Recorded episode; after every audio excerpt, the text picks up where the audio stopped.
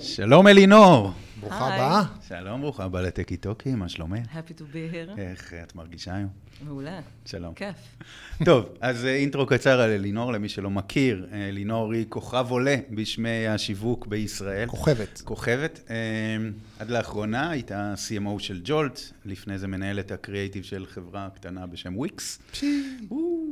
חוץ מזה, אה, שלושה תארים, נכון? אחד MBA מקלוג, הקטנה, אז. שלום. אף אחד לא מושלם. מה שלומך? וואו.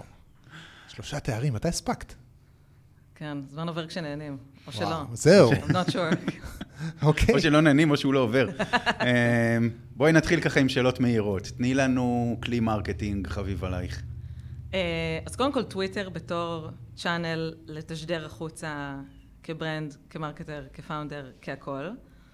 אה, כלי טכני טוב, שפשוט אני השתמשתי בו הרבה והוא אה, אה, הסב לי הרבה נוחות וזה, זה Klipfolio, כי פשוט זה אפשרות ליצור data rooms מאוד נוחים, שהם, בדרך כלל data rooms אנשים חושבים עליהם ככלי בינך לבין החוצה, לא משנה, ה stakeholder ים של החברה, המשקיעים, board, אבל בעצם זה גם טוב כ marketing internal י, בשביל שאר החברה תראה את המטריקות של החברה בצורה יומיומית נוחה, אז זה כלי ממש טוב. דשבורד בעצם, סוג של... אה, זה דשבורד, אבל הוא live, אז זאת אומרת, זה מאוד קל, אה, חלק מהדשבורדים, כשאתה רוצה להוציא אותם החוצה לקולבורציות, הם אה, יחסית סטטיים, אז הוא מאוד נוח בשביל להכניס אליו עיניים ושזה מתעדכן. זה מה. שעוזר ל marketeer to look good. or bad, אבל to look, כאילו, to be looked at. אוקיי. אבל זה טוב, כי זה, יש בזה לחץ בריא כזה, כשאתה יודע שכל דקה מישהו. בחוץ יכול לפתוח. כן. cool. אה, כן, האמת היא שהכלי השלישי הוא אמורפי כזה, אבל זה פשוט להגיד לא. אין כלי. אה, עט לא, ונייר. לא, זה, היכ... אז זה, זה שריר, זה לא כלי, אבל זה יכולת להגיד לא למלא דברים, שנראה Mm. לי לכולנו בתור marketer ים זה תמיד ה- במיוחד לכלים. הפיתוי. במיוחד לכלים, אבל גם לטקטיקות, או ל- לדברים שפשוט לא עושים impact בהכרח גבוה, אז המלחמה היומיומית הרבה פעמים היא לדעת מה לא לעשות. כן. כן. cool. שאלה הבאה, מותג אהוב, tech או לא tech? אה, טוב, אני fintech girl בנשמה, אז אני נותנת פה שלושה, כי זה הדברים שהם שלי הכי אהובים, אבל אחד זה Fast, שזה one click checkout, אה, שעכשיו באמת עושים שינוי גדול בעולם ה e-commerce, אבל בעיניי הם גם סמן גדול לכל הריכוז, ריכוז המידע אצלנו בתור ה user הסופי, אז זה מתחיל מ-one click checkout, ומתחיל להיות גם עכשיו אה, אה, אה, הטרנד של one, one click privacy settings וכולי, אז הם בעיניי סמן מאוד גדול. אבל מה, מה את אוהבת. במותג? קודם כל העובדה שבאמת אה, גם ה found, גם הצ... יש שם צמד founder ים נורא חזק, אה, גם ה founder ים וגם כל השפה של המותג היא מאוד אה, קלילה, נוחה ומנגישה וגורמת לך, גם אם אתה לא לקוח פוטנציאלי, כי אתה לא חנות e-commerce שבהכרח תעשה אינטגרציה עם Fast, להיות מאוד חובב המותג כמי שמבין ש... שזה יכול לשנות לך גם כצרכן סופי. אז מדברים בעצם לכל הנוגעים בדבר בתוך השרשרת הזאת, שזה נחמד. Uh, עוד כלי uh, שהוא פחות או יותר אני אוהבת אותו מאותן סיבות זה Pipe שהם בעצם עושים uh, איזשהו כלי לעזור לחברות SaaS עם cash flow כי הם בעצם אומרים בעיה של חברות SaaS תמיד ב-recurring revenue זה שהם מכניסים revenue חודשי אבל היו רוצים את ה... במקום. שזה יהיה ה-MRR אז להכניס את השנתי אז הם קונים ממך, משלמים לך את השנתי ומאפשרים לך עדיין איך לגבות קוראים לזה? חודשי. ניקיון צ'קים? זה ניקיון זה ניקוי. חשבוניות אה, או צ'קים אה. מודרני, אבל האחים נקש, לא? איך קוראים להם? אבל הם עושים את זה, אבל בלי אלימות, קלאסי, אבל עם class. brand millennial, Gen Z, יפה, חכם, כיפי, כולל אם תיכנסו לדף בית, ה tagline שלהם זה משהו כמו, זאת אומרת, get paid yearly, אבל charge monthly, ואתה ישר מבין, וזה דוגמה טובה לאיך אתה מפשט הכל, מצד אחד לתכלסיות מאוד, ותכלסיות זה משהו שמאוד מכבד בסוף את ה user, אה, אבל מצד שני עושה את זה יפה ו slick ונוח אה, לכולם. קול. מאוד אה, נחוץ. כן. כן. תני לנו איש שיווק או אשת שיווק שאת עוקבת אחריהם. אני חושבת שהפאונדרים של שתי החברות האלה, זה מבחינתי... אני חושבת שתמו הימים של איש שיווק יש נטו. פה- יש פה statement, כן. יש פה statement, אבל כן, אז אני יותר היום רואה פאונדרים שאני אומרת, הם דוגמה ומופת גם לפירס שלהם כפאונדרס, אבל גם לאנשי שיווק שאמורים אה, לקחת מהם דוגמה, אז לגמרי. כן. קול. טוב, אה, במעבר חד, אה, יש לנו את פינת המהלך שלא יישכח, שבו את אמורה לספר לנו על משהו שעשית, שהוא רימרקבל. אה, וואי, יש הרבה גם טובים וגם קטסטרופה, אבל... תכף אה, נדבר על טובים לא הקטסטרופה, חלילה כן. בזכותי רק, אלא נסי... בגלל נקנח החברה. בקטסטרופות. כן, זה יש יותר מהטובים. אה, אני חושבת שאחד הדברים הכי זכירים לי אישית, זה היה אחד הסופרבולים שעשינו בוויקס, אני חושבת שזה היה 2018. גל גדות, סתם. אה, זהו, לא גל, לא גל סופרבולים ב- דווקא. אני חושבת שזה היה איזה שנה, היה איזה ש- שלב שבו קונג פו פנדה.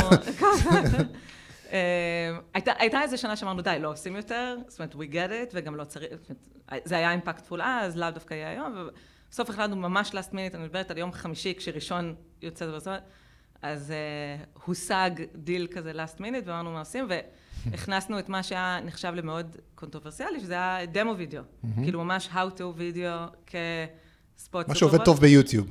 מה שעובד טוב, כן, ב performance קלאסי.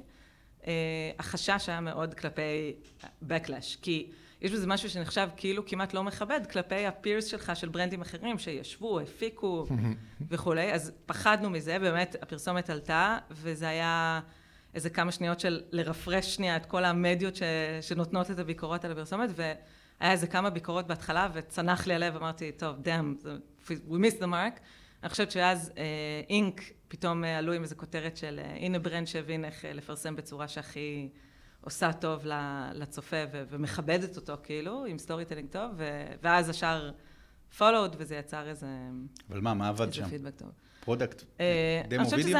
כן, זה היה איזשהו, שוב, זה, זה קצת חצי סטירת לחי לתעשייה, שאומרת, תעשו אתם את הכלבלבים ובחורות ומכוניות ורגש, ואנחנו נעשה משהו שהוא מאוד טכני. למעשה לא הוצאנו כסף על הפרסומת, הוצאנו אותה מהבוידם ה spot. ואלינו, כן, כן, כן. חוץ מלקנות את המדיה.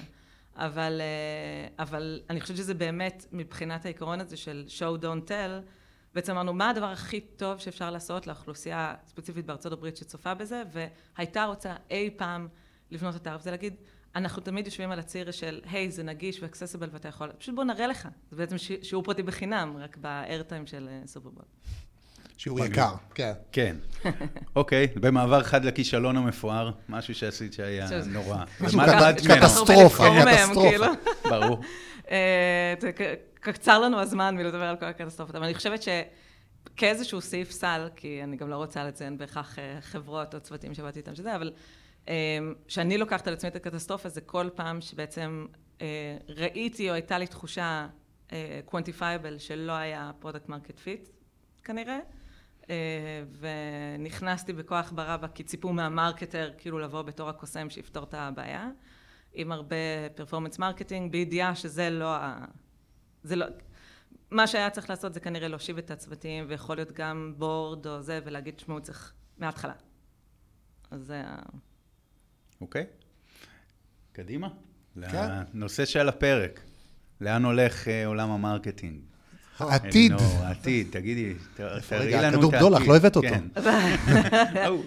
אמ, לא, תשמעו, זה משהו ש... אני חושבת שאנחנו בתקופה מעניינת ממש, היא איכשהו קיבלה spiraling effect super duper בשנה האחרונה, ועוד יותר אשכרה בשניים, שלושה, ארבעה חודשים האחרונים, אמ, שזה ערבוב של גם, תראו, גם לאט לאט אין מה לעשות, נהיה יותר ויותר קל להקים חברות, משמע הדיפרנציאציה היחידה כבר בין סטארט-אפים שונים זה נטו ה storytelling וה, ואיזשהו mission שנבנה מסביב, כי בניגוד לפעם שזה כולה לפני כמה שנים, שהטכנולוגיה היא מה שהפרידה, היום זה כבר, it's not the issue, זאת אומרת, יש לנו no code, יש הכל, אז האקססיביליות לטכנולוגיה עצמה היא, היא מביאה אותנו למצב שכבר, זאת אומרת, יש הכל מהכל.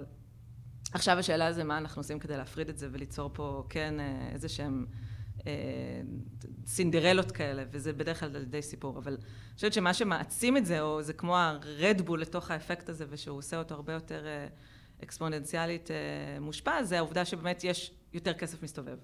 אה, המון כסף ובין אם זה. עכשיו באמת בועה שתגווע, או, תמש... או שהאפקט שלה יישאר, אה, יש יותר כסף מסתובב, זה, יש יותר רצון של אנשים פרטיים להשקיע ב private markets, בניגוד רק ל public markets בשוק ההון, אה, יש יותר סקרנות לגבי זה, יותר נכונות להיכנס בסבבים המוקדמים, אה, אז זה מעלה את הוולואציות ומנפח פה את כל הסיפור, אנחנו רואים גם הנפקות ו- ו- ספאקים. ו- וספאקים ו- ורכישות שהן בפי עשר, פי מאה מוולואציות שהיינו רואים, אבל גם בסבבים המוקדמים. אתם בטח רואים גם סיד ראונד, איי ראונד, שהם בפי עשר ממש ממה שראינו כולה לפני שנתיים. עכשיו, בנוסף לזה, יש אה, יותר שחקנים שהם, הם, אנחנו רואים את זה אגב גם בארץ, אה, אבל, אבל גם בארצות הברית, שהם פשוט בוגרי הברנדים הגדולים שהם עשו אקזיט. זה לא בהכרח הפאונדרים, זה העובדים הראשונים של. אז ה-VP product הראשון בפייסבוק, שהוא היום אה, מיליארדר, והוא אה, super angel שמשקיע בהרבה חברות. ה designer הראשון בפינטרסט. אה, לאובר יש גילדת יוצאי אובר, עובדי אובר שהם angel, super אנג'לים בוואלי. Uh, ל-Airbnb יש. אז הם עצמם פתאום שחקנים עם כיסים עמוקים שנכנסו ומזרימים. עכשיו זה ביצה ותרנגולת, מה קדם למה? האם זה הסקרנות, האם זה האקזיטים הגדולים שהכניסו עוד אנשים לשוק, או שזה זה שאנשים, יותר אנשים נכנסו לשוק שהכריח את האקזיטים להיות יותר גדולים, כי משהו צריך להצדיק את ה... לא, אבל איפה, איפה זה פוגש את ה marketing? זאת אומרת, אה, אז זה פוגש את ה marketing... זה משפיע על העתיד. אז זה משפיע על העתיד בזה שבגלל שכל זה קורה, כל השוק פתאום פונה ליותר אה, דברים שמוכווני promise. אה, זאת אומרת, זה כבר לא רק אנחנו נקבע שווי של חברה או נמכור אותה לפי הביצועים שלה, אלא אנחנו כבר רואים את השלב ה promise שפעם היה רק ב seed, ממשיך גם ל-A וגם ל-B וגם...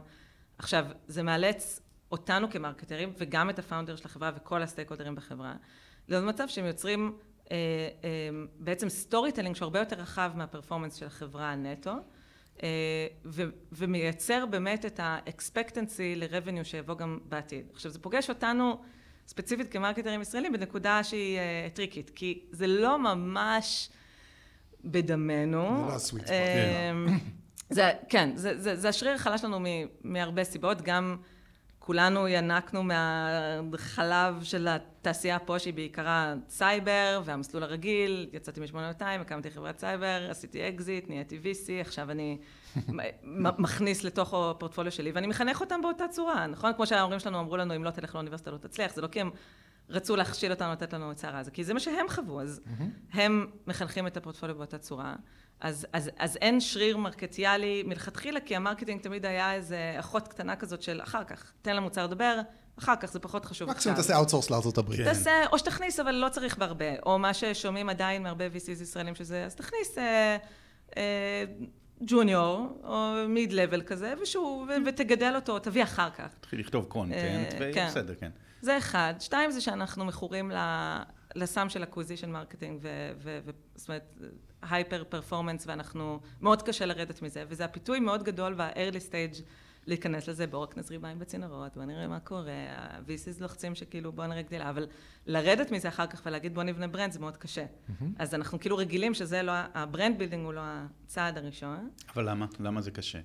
Uh, תראה, מאוד קשה לרדת מצמיחה שהיא מהירה מ performance, ואז להגיד, אני, אני הולך להשקיע, שומעים רגע, אני הולך להשקיע דולר, והוא לא הולך להחזיר שלושה מחר. לא, אנחנו כן. אפילו לא נדע. כן. אנחנו אפילו לא נדע, וזה גם אה, בטווחי זמן, סייקלים של זמן שהם אה, רחוקים מלהיות מה שיש ב performance marketing, וזה גם פאניקה, נכון? כי אני לא יודע באמת מה הולך לקרות עם, ה, עם הכסף הזה. וגם, תקשיבו, אנחנו די, לא יודעת כמה אפשר להגיד מילים לא יפות בשידור, אבל... חצוי. אנחנו all in all shit storytellers. גדלנו במדינה שהיא מיליטנטית ומאוד ווכחנית, ואנחנו לא עם ה showmanship של ארה"ב, עם ה drama club וה debate club וכל הזה, אז אה, אז זה שריר שהוא קשה לנו. זה נכון גם... המצאנו את ה Bible, לא? תכלס, ה best seller של העולם. לגמרי. אבל שם זה נגמר. אולי גם את זה לא כדאי להגיד. אולי ג'יי קיי רולינג כבר עברה את זה? לא, לא, לא שם זה נגמר. אז אנחנו צריכים להתחיל לתרגל אה, אה, שריר אחר, ולהיפרד מהמון רומנטיזציה, רומנטיזציה של... קצת סיפור דוד וגוליית כזה, נכון? אנחנו נורא אוהבים את ה... מאוד אוהבים. ב-DNA בכלל של מדינת ישראל. המוח היהודי. קטנים כן. מול גדולים. הסיפור של דוד, נכון? תראו איזה יפה, שלושה ילדים מהקיבוץ הצליחו להביס איזה brand גדול מארצות הברית. זה ה-outlier case, אבל כולנו גדלנו בלחשוב שזה מה ש... הנה, עם כלום bootstrapping או איזה כלום seed money הצליח, אבל זה לא יקרה היום. כי המתחרים שלך הם כאלה שקיבלו 70 מיליון דולר ב seed round, ועכשיו אתה צריך להתחרות איתם על משהו שהוא חסר סיכוי. אתה חייב להיכנס לזירה הזאת מלכתחילה עם ה... אין מה לעשות, עם הקצת סטרואיד הזה של הסיפור היותר גדול. אה, זה לא מילה גסה, זה גם לתת לה לעוקבים שלך, ל community שלך, ליוזרים שלך, הסיבה להאמין שבאמת אתה הולך לבנות פה משהו גדול. זה לא משהו רע, זה משהו טוב. עד לא מזמן גם בכלל ה Start-Up Nation, כי שמו היה Start-Up Nation, כיוון למקום מאוד שונה מאיפה שהוא מכוון היום. זאת אומרת, עד לא מזמן הצלחה, זאת אומרת, הצלחה כבירה זה למכור את החברה שלך ב-100 מיליון דולר. היום זה נראה לי כן. סוג של אה, וואלה, פשרה על גבול הכישלון. כאילו, מסתכלים על זה, לפחות ה-VCs. תראה, נכון, היה פאניקה של למכור אה, מהר. אה, אפילו שמעתי איזה VC אמריקאי פעם נותן אה, איזושהי המשלה שאנחנו כמו ילד teenager. כאילו, מתפאר מתפאר במה שהוא עושה, אבל בפועל הוא אה, כאילו מסיים כן. מדי ולא לא ממש בהצלחה. השיחה הזאת הידרדרה מאוד מהר. כן, אבל, אבל כן, אז, אז, אז אנחנו צריכים לשנות גישה מאוד מהר ולהבין שזה חוקי המשחק החדשים, ו, וזה טוב לנו בזמן הזה להתחיל לתרגל את השריר הזה, because it's not going away, ואנחנו רק פותחים פער עכשיו מול ארה"ב שצריך לסגור. להתחיל לסגור אותו מהר. אז מה שאת אומרת בעצם זה שכל הערימות כסף ששופכים פה פותחים פער עוד יותר גדול בין המציאות לחלום, ואת הפער הזה צריך, את הוויד הזה צריך למלא בחלום, סיפור טוב. כן. אז בכל זאת, מה ה-CMO, מה תפקידו של ה-CMO שם? אם את יכולה לתת, לא יודע, שלוש עצות, טיפים, guidance, אתה CMO עכשיו, מה תפקידך בכל זה? אז תראה, קודם כל זו שאלה של מתי ה-CMO נכנס. אה, ואני, ו, ואני מאוד בעד, אה, ו, אה, ואנשים, התחיל יותר ויותר שיח על זה, בעיקר בארץ, שזה משמח, אבל להכניס את ה-CMO ב founding team, או בשלב מאוד מוקדם, שלב הרעיון, אה, יותר ויותר שומעים את האדבוקטים שאומרים את זה, לא הרבה מספיק מיישמים את זה. מעט. אה, אני חושבת שמבחינת ה-CMO, אה, זה צריך להיות, במידה ונכנס בשלב מוקדם, זה להבין שצריך לבחור את ה... בשביל הזרע הראשון של בניית ה brand, את ה-single point of truth, איזשהו משהו שבור בעולם שהחברה כ brand מחליטה שזה הדבר הזה שהולכים, נכון, לתקן כ mission. Mm-hmm. ולתת ל community סביב ה brand להאמין בזה. זאת אומרת, שימו את המוצר שנייה בצד ותבנו נרטיב שהוא הרבה יותר רחב כדי לאפשר גם מנעד שהוא יותר רחב מהמוצר. Mm-hmm. כדי שאז, בין אם הביצועים של החברה הם כרגע כאלה או כאלה, הסיפור פה הרבה יותר רחב ולא צריך להאחז, זאת אומרת, זה משחרר הרבה חמצן לחברה גם going forward. אה, אז, אז, אז זה מבחינת ה storytelling.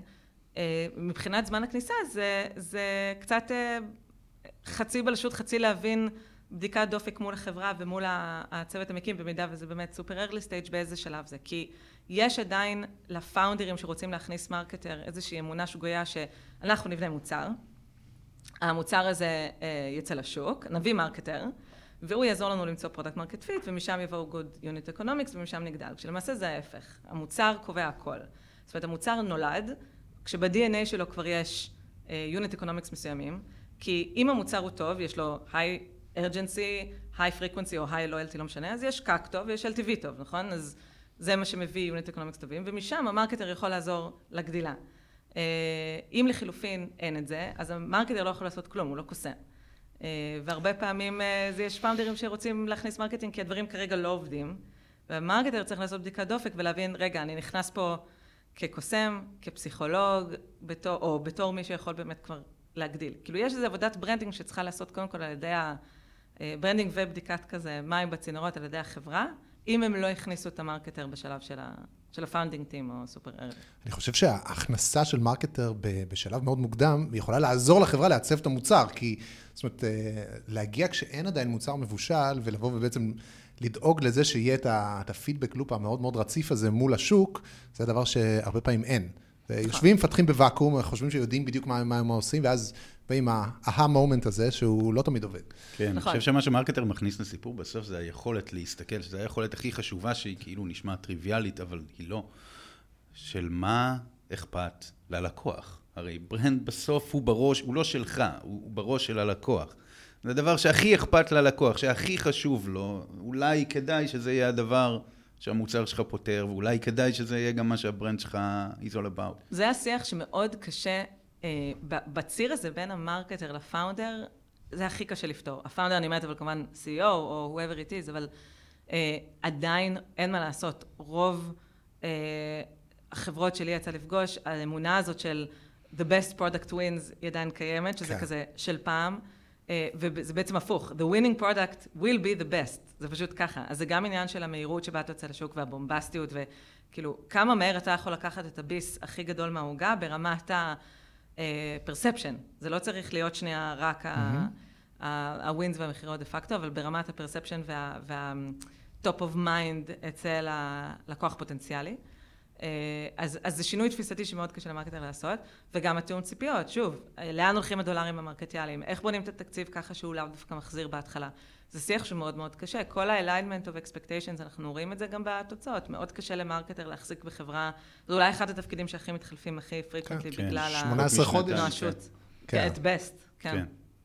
אה, אז, אה, אז השינוי הזה צריך להיעשות משני הצדדים, גם של ה marketer, גם של ה founder, ואני חושבת שגם מהצד של, ה, אה, של המשקיעים וה-VCs בארץ ספציפית, כי בסופו של דבר אנחנו בתחרות לא רק מול ברנדים אחרים מעבר לים שהם יושבים אולי על אותה משבצת כמו שלנו, כי שוב, מאוד קל היום to innovate, אז זה לא הבעיה, אבל הם יושבים עם תקציבים יותר גדולים, אבל הם גם נתמכים על ידי אה, חבר'ה, כמו שאמרנו, יוצאי הברנדים הגדולים, שהם התחנכו, אה, סליחה, בבתי brand ויודעים, מכירים את ה playbook, היו שמה, אה, נגעו בו מה שנקרא בברזלים כשהם היו יותר צעירים, ואומרים, אוקיי, הבנו עכשיו את הפורמולה, עכשיו אנחנו יודעים לקחת את זה ולשכפל את זה, והם למעשה מולידים משלב ה pre-seed, כבר משלב הרעיון, unicorns מ-day one, כי הם שותלים את התשתית הזאת כבר. Mm-hmm. והם עובדים גם קשה בלקדם אה, ממש דה פקטו כמשקיעים. אה, אז Andreessen שהשקיעו ב Clubhouse יושבים כל ערב בחדרים ב Clubhouse ודוחפים. אה, אלכסיס אואניאן שהשקיע בדיספו יושב וכותב טוויטים כל יום על דיספו וכמה זה פלטפורמה טובה ואיזה כיף ואיזה יופי. אה, כי בעצם הם יושבים על, על תובנה שתקשיבו אם זה סוס מנצח אצלי בפורטפוליו ואני מהמר עליו אני רוצה לדחוף אותו. כן. אין לי מה להשאיר את זה לפאונדר ומכל השיחות שבינתיים יצא לי לנהל עם, עם VCs על הנושא הזה מאוד עדיין ב... בגישה מאוד ווקאלית של אנחנו, זה לא הסטייל שלנו, אנחנו מאוד hands off. בישראל. בישראל. כן. אה, אין לנו, נהפוך הוא יותר מזה, אם founder צריך עזרה, או marketer צריך עזרה, אז אה, זה מראה על איזושהי חולשה מסוימת, ואנחנו לא שם בשביל אה, לעשות את זה. אז זה באמת אחריות מאוד, אנחנו מדברים על האחריות של ה-VC, איפה האחריות של ה-CMO פה? ב- לצערנו, בהרבה בלחנך את, ה, את הפליירים האלה. כן. כי זה לא יכול להיות כבר רק ה-CMO. אני חושבת שנגמרו במידה רבה, שוב, בלי להכליל לחלוטין, הכל יכול, הכל doable, אבל היום זה יהיה הרבה יותר קשה להיות עם ה playbook של, תשמעו, זה ה brand שאני הקמתי, זה, הח... זה המוצר שאני בניתי, אבל אני פה מאחור יושב מקודד, דברו עם ה-CMO שלי. אה, הקהל משתמשים שלך היום רוצה לראות uh, גם, בסדר, הסבר ו brand building טוב, שזה נעשה הרבה על ידי ה-CMO, אבל גם לדחוף את ה founding team ב front, וזה חלק מהאחריות של ה-CMO לעשות, זה ממש חצי... עבודה סוכן, פסיכולוגית סוכן, יחד עם הפאונדרים, כן. שלא התכוונו מלכתחילה להיות ב front כן. של שום דבר, בגלל זה הם אומרים, גם לי כשאני מדברת איתם, אני, זה לא בשבילי. זה המשפט שאני הכי שומעת הרבה. לא, לא, לא, זה לא בשבילי, אני אמצא מישהו שיעשה. אה, כן. את אומרת שאני צריך להיות בסוף שמידי, אז אני אביא מישהו שיהיה... לא, אתה צריך להיות... איש social. כן. אבל איך גורמים להם? זאת אומרת, אה, יש לי את הדעות שלי, אבל איך גורמים, גורמים להם לצאת מה, מהקמפורט זון שלהם וכן להיות יותר ווקאליים? אמ, אני חושבת חלקם, האסימון נופל כשהם מבינים ש... אמ, הרי תכלס עד שאתה לא יוניקורן, אתה מדבר לשלוש סוגי אוכלוסיות. זה גם הלקוחות שלך, גם המשקיעים הפוטנציאליים העתידיים שלך, וגם מה שנקרא המעגל האמורפי הזה של Friends of the Brand. זאת אומרת, אנשים שהם לאו דווקא, הנה כמו הדוגמאות שנתנו בהתחלה, שאתה לאו דווקא משתמש פוטנציאלי שלהם, אבל אתה תשב, תדבר עליהם באיזה פודקאסט. כי, mm-hmm. כי הם עושים עליך רושם טוב, ואתה גם, uh, you will evangelize them further לכל מי שצריך. אה, אז אה, כל השרשרת הזאת היא מובילה לזה שיש פרסונה אחת שיכולה אה, בגדול להוביל את זה מבחינת הפנים של, וה-CMO הוא שם בשביל לקחת את הדבר הזה ולהצמיח אותו.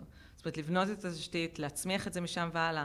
כל מה שאנחנו מדברים עליו לגבי השיח ה-ongoing עם הקומיוניטי זה משהו שהוא יד ביד ה-CEO וה-CMO ביחד.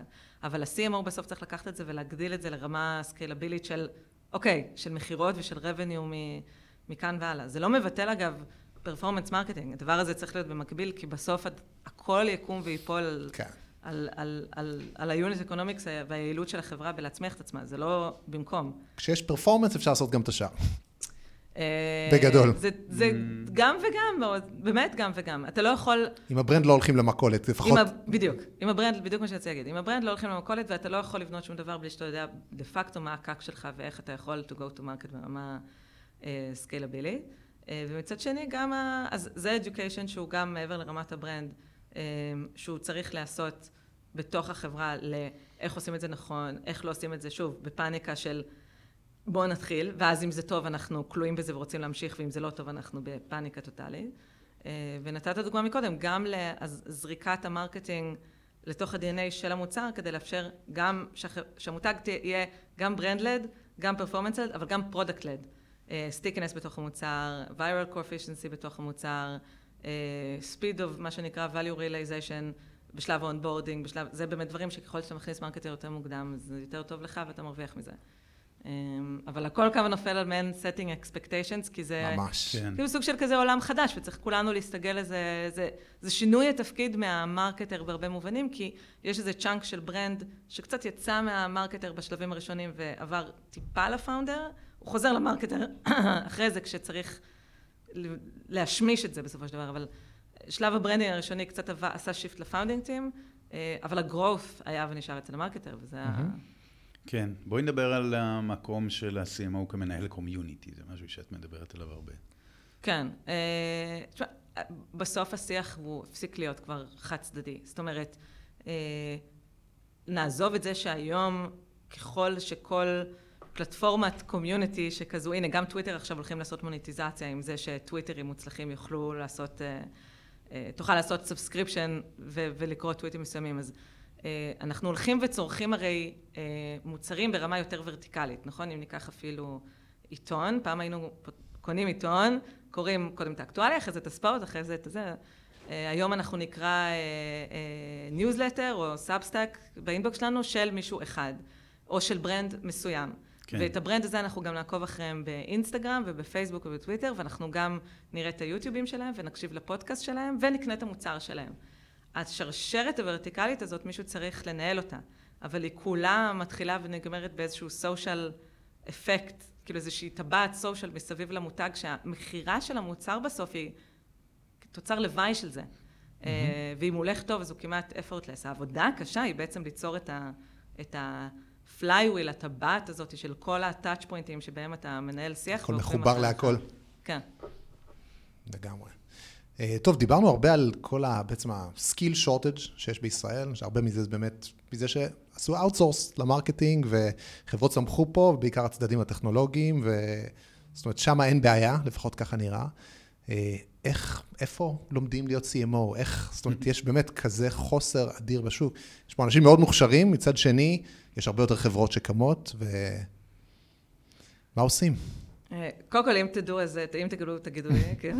אה, אני חושבת שלצערנו, לשמחתנו, ממה שאנחנו רואים, גם בארץ כבר מברנדים או חברות קצת יותר brand-led שצמחו, וויקס, מאנדיי, למונייד וכולי, אה, וגם מעבר לים, unless אתה בבית גידול כזה, ונחשפת למתודות, ל-way of thinking, והרבה לפעילות שהיא מוטת scale. אה, שאם נחזור להתחלה זה גם הרבה בלהגיד לא לדברים.